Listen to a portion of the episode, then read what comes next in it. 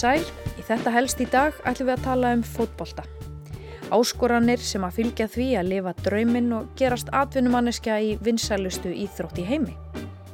Ég heiti Þóra Tómastóttir og ætla að ræða við tvo menn sem að vita sitt lítið um það.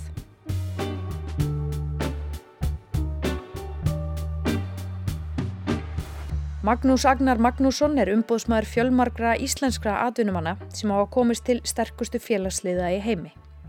Hann er búsettur í Kaupmannahöfn og starfar þar hjá umbóðskrifstofunni Stellar.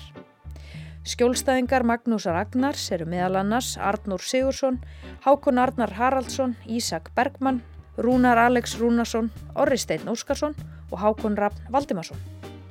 Sem umbóðsmaður sér Magnús Agnar hliðar á atvinnumennskunni sem ekki allir hafa insýn inni. Hliðar sem að hansögn er ekki alltaf í samræmi við glansmyndina sem byrtist okkur á samfélagsmiðlum.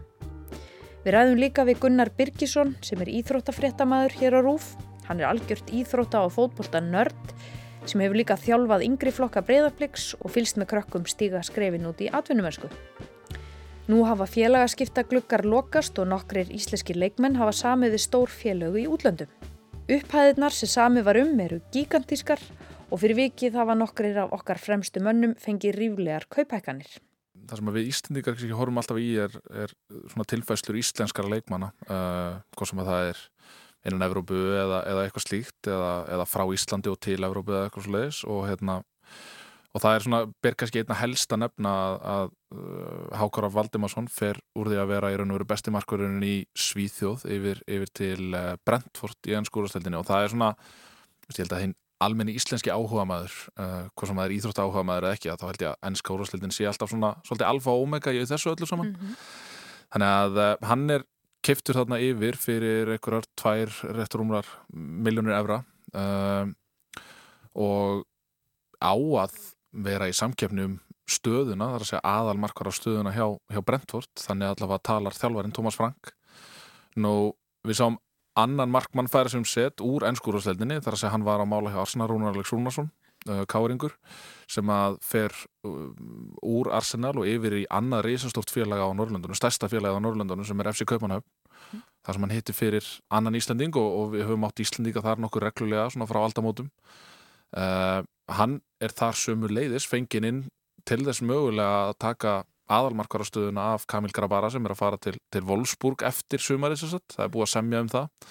Uh, og svo náttúrulega það sem var kannski stærst í þessu mögulega var uh, Albert Gumminsson sem hefur verið að gera frábæra hluti hjá Genoa á Ítalju að hann hefur verið orðaður við mörg stórlið, var, hefur verið orðaður við Juventus, hann hefur verið orðaður við AC Milan hann hefur verið orðaður við Vestham og Aston Villa í ennskúrústeldinni og kaupverið á honum tali vera 25-35 miljónir evra sko sem er náttúrulega það eru gríðarlegar upphæðir í spilunum. Mm, og, og maður svona, má, má ætla það að, að til dæmis eins og Hákon sem er að fara úr sænsku úrvarsleitinni yfir það að vera mögulega fyrsti annar markmaður hjá Brentford sem er í ennsku úrvarsleitinni þar sem að peningarnir eru bara á allt öðru leveli heldur en þekkist einhvers staðir í Skandinavi að, að það má gera ráð fyrir því að, að þeir séu að hækka allir nokkuð nokku ríflega í launum. Uh, og, og svo er talið að Albert að það sé nokkuð líklegt að Albert fari næsta sumar frá Genoa Albert verði í raun og veru bara potturinn og pannan í, í liði Genoa á þessu tímfili Magnús Agnar veit ímislegt um hvað tekur við hjá leikmönunum sem nú eru að færa sig um sett Ég held að sé bara að, að hérna, fyrst er að komast í byrjunlið og svo má bara halda fókus og, og hérna, að vera áfram þú sjálfur. Ekki að halda það að þú þótt komin komin í stóruðildurinnar og þú komin í stórulaunin að vinnan sé búin þá hef, hefst vinna, alveg vinna. Það meina, skemmt reyngum manni hvort þú sett í fötum frá HM eða Lúi Tón sko, út saman leikmaður. Ræðum aðeins um þessa peninga. Um, þetta eru ungir strákar sem að hafa allist upp á Íslandi þar sem að svona stjartfæðilegar upphæðir eru bara ekkert hluti af daglegu lífi fólks. Hvað heldur þú að þetta geri fyrir ástriðufulla knallspinnumenn að, að vera hluti á svona stórum viðskiptum? Ég held að bara það sé eins í þessu og öðru í lífinu að auðvitað, þetta getur verið skemmandi en þetta getur líka verið uh, hvað var að segja, einhvers konar svona öryggistilfinning að oft er þetta hann í fjárhæðir sem er í spilunum að, að mögulega er þetta eitthvað sem að svona mun hjálpa þér eftir ferlinn og í mörgun tilvíku náttúrulega er það þannig og þá náttúrulega snýst þetta líka svolítið um hvernig þú ráðstafar þessum peningum á meðan uh, atvinnum hana ferill er kannski ekkit mikið lengur heldur en 10-12 ár sem, a, sem að þú nærð svona einhverjum max samningum uh, hjá þessum stærstu liðum. Í endadagsins þá skiptir alltaf máli bara hvernig manneskja meðhundar peningana. Mm -hmm. Hafa orðið framfærir í svona umgjörð utanum atvinnu fólk í knastbyndu? Ég hugsa klárlega að, að svona, við höfum reykið okkur á veggi sem við rákum okkur ekki á áður. En félögin sem slík eiga náttúrulega líka að aðstóða sérstaklega þeimun yngri sem þú ert og, og, og svona að þá eiga félögin alltaf að gera þeimun meira. Þetta er manni eðlilegast.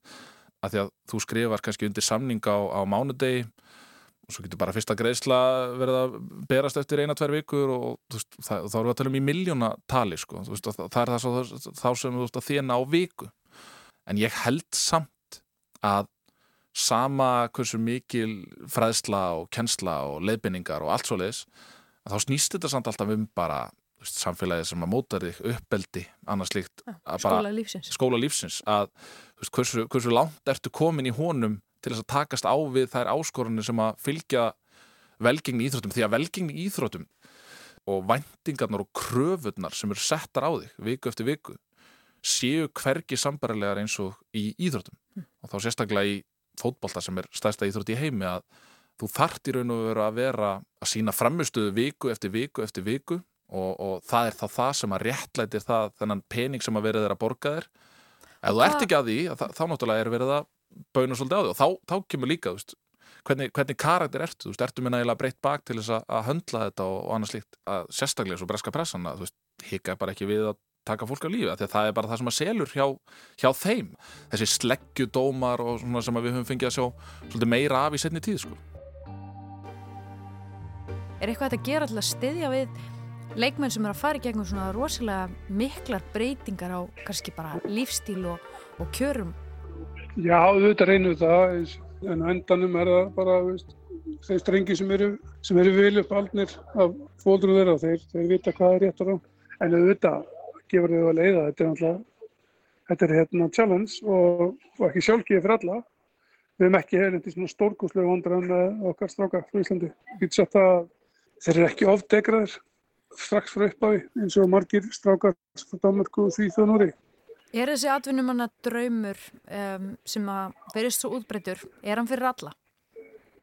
Nei, vegna þess að þetta er oft bara mjög innmannlegt og, og getur verið mjög erfitt og það er ekkert gaman að fara 15 ára, 16 ára, 17 ára út og, og vera ekki með vinnu sínum og vera ekki kringum sína fjölskyldu, mamma og pappa og, og sískinni sín og þannig að það getur bara verið oft mjög challenging.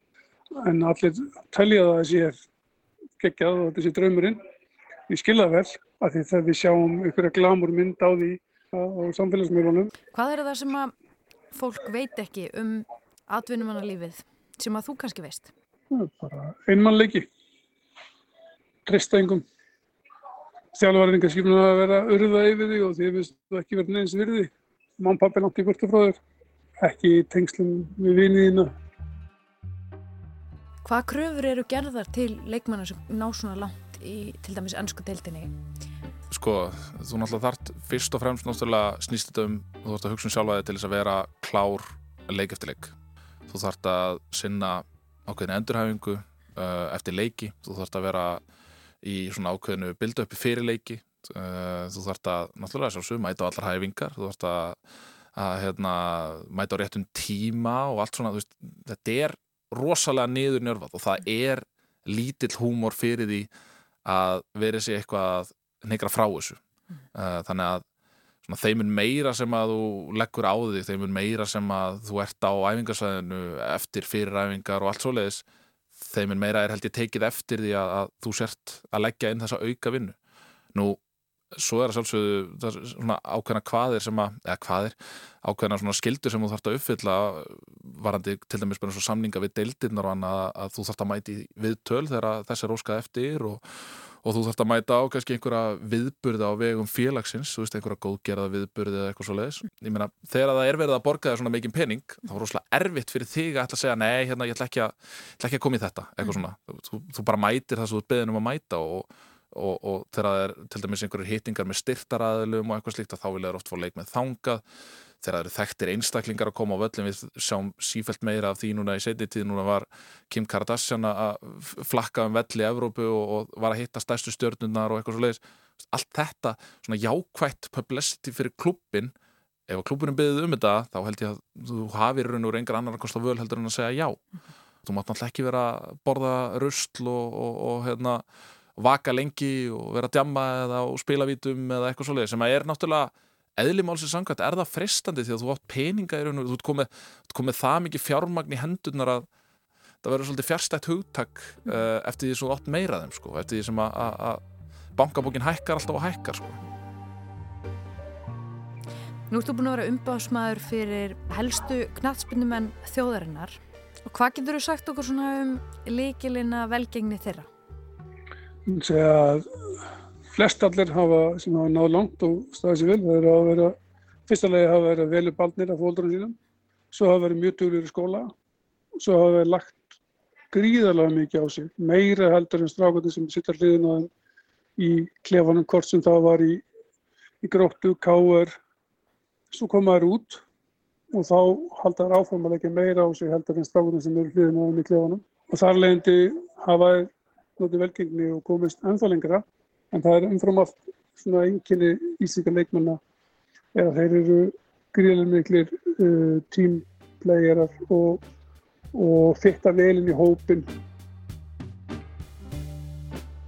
Þetta eru, eru hérna krakkar misjafnir hvað það var þar að þetta fá ekki allir eins uppeldi eða eitthvað svo leiðist það er svona kannski hefur maður svona sérstaklega í setni tíð lagt svona ennþá meiri áherslu á það að að búa til kannski vandaðar manneskjur að því að, að því að við höfum séð margóft leikmenn fara út og ekki kannski alveg höndla þetta atvinnum manna umhverfi því að þetta er algjörlega brútal það er, mm. það er engin vinurðinn á æfingarsæðinu að að það er allir að keppast um að spila að sína sig að komast enþá lengra þannig að þá er óslega erfitt að ætla að fara að vera vinur einhvers þegar þú ert í betni samkefni samkefnin er hverki held ég ja, brútal og það að berjast um stöðu eða, eða einhverja svona mekt í einhverju fókbóltaliði mm -hmm. þannig að þessi krakkar sem að ég hef séð nákvæð lengst eru krakkar sem að einmitt leggja inn þessa auka vinnu eru vinnir vinna sinna eru, eru svona hvað maður að segja svona, þú serðu oft svona leiðtoga eiginleika hjá þessum krökkum að þau svona þórað skara fram úr, þau þórað svona stíga upp og leiða liðin sín þórað koma inn í erfiðar aðstæður og reyna að gera hlutina betri. Mm. og svo sér maður líka að, að ofta á tíðum náttúrulega helst þetta svolítið í hendur við afskipti fóreldra og forðamanna.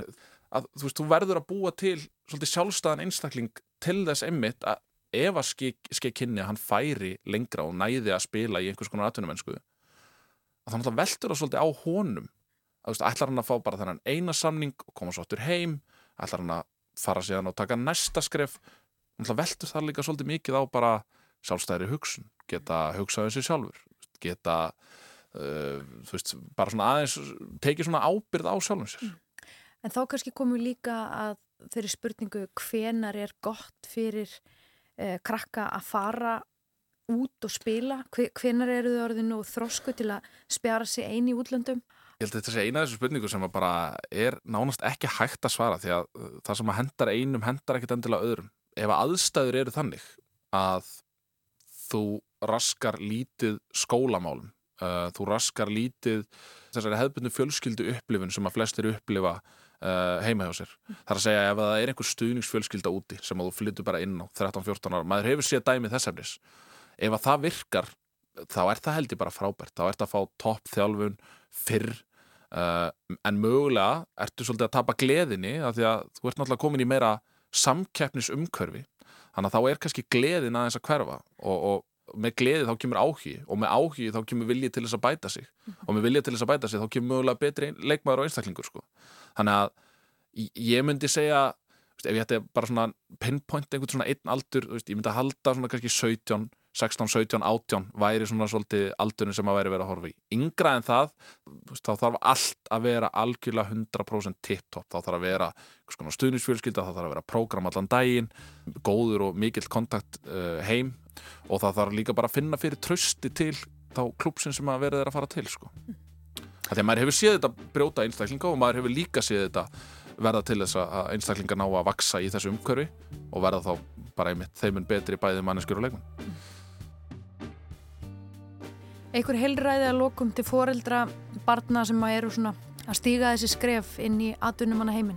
Þetta er framanlega sem stákurinn stefnun er ánægt og glatt að það er þetta gott. Ef það er ekki þannig þá er alveg skott að fara bara upp í háskóla og, klára verklæðina. Og þetta voru loka orðin í þessum þætti sem fjallaði um atvinnumennsku í fótbolta, kröfur, peninga og ekki síst innmannarleika. Viðmælendur okkar í dag voru þeir Magnús Agnar Magnússon, umbóðsmaður hjá Stellar Nordic og Gunnar Birgisson, íþróttafréttamaður á RÚF. Ég heiti Þóra Tómasdóttir og þakka ykkur fyrir að hlusta í dag.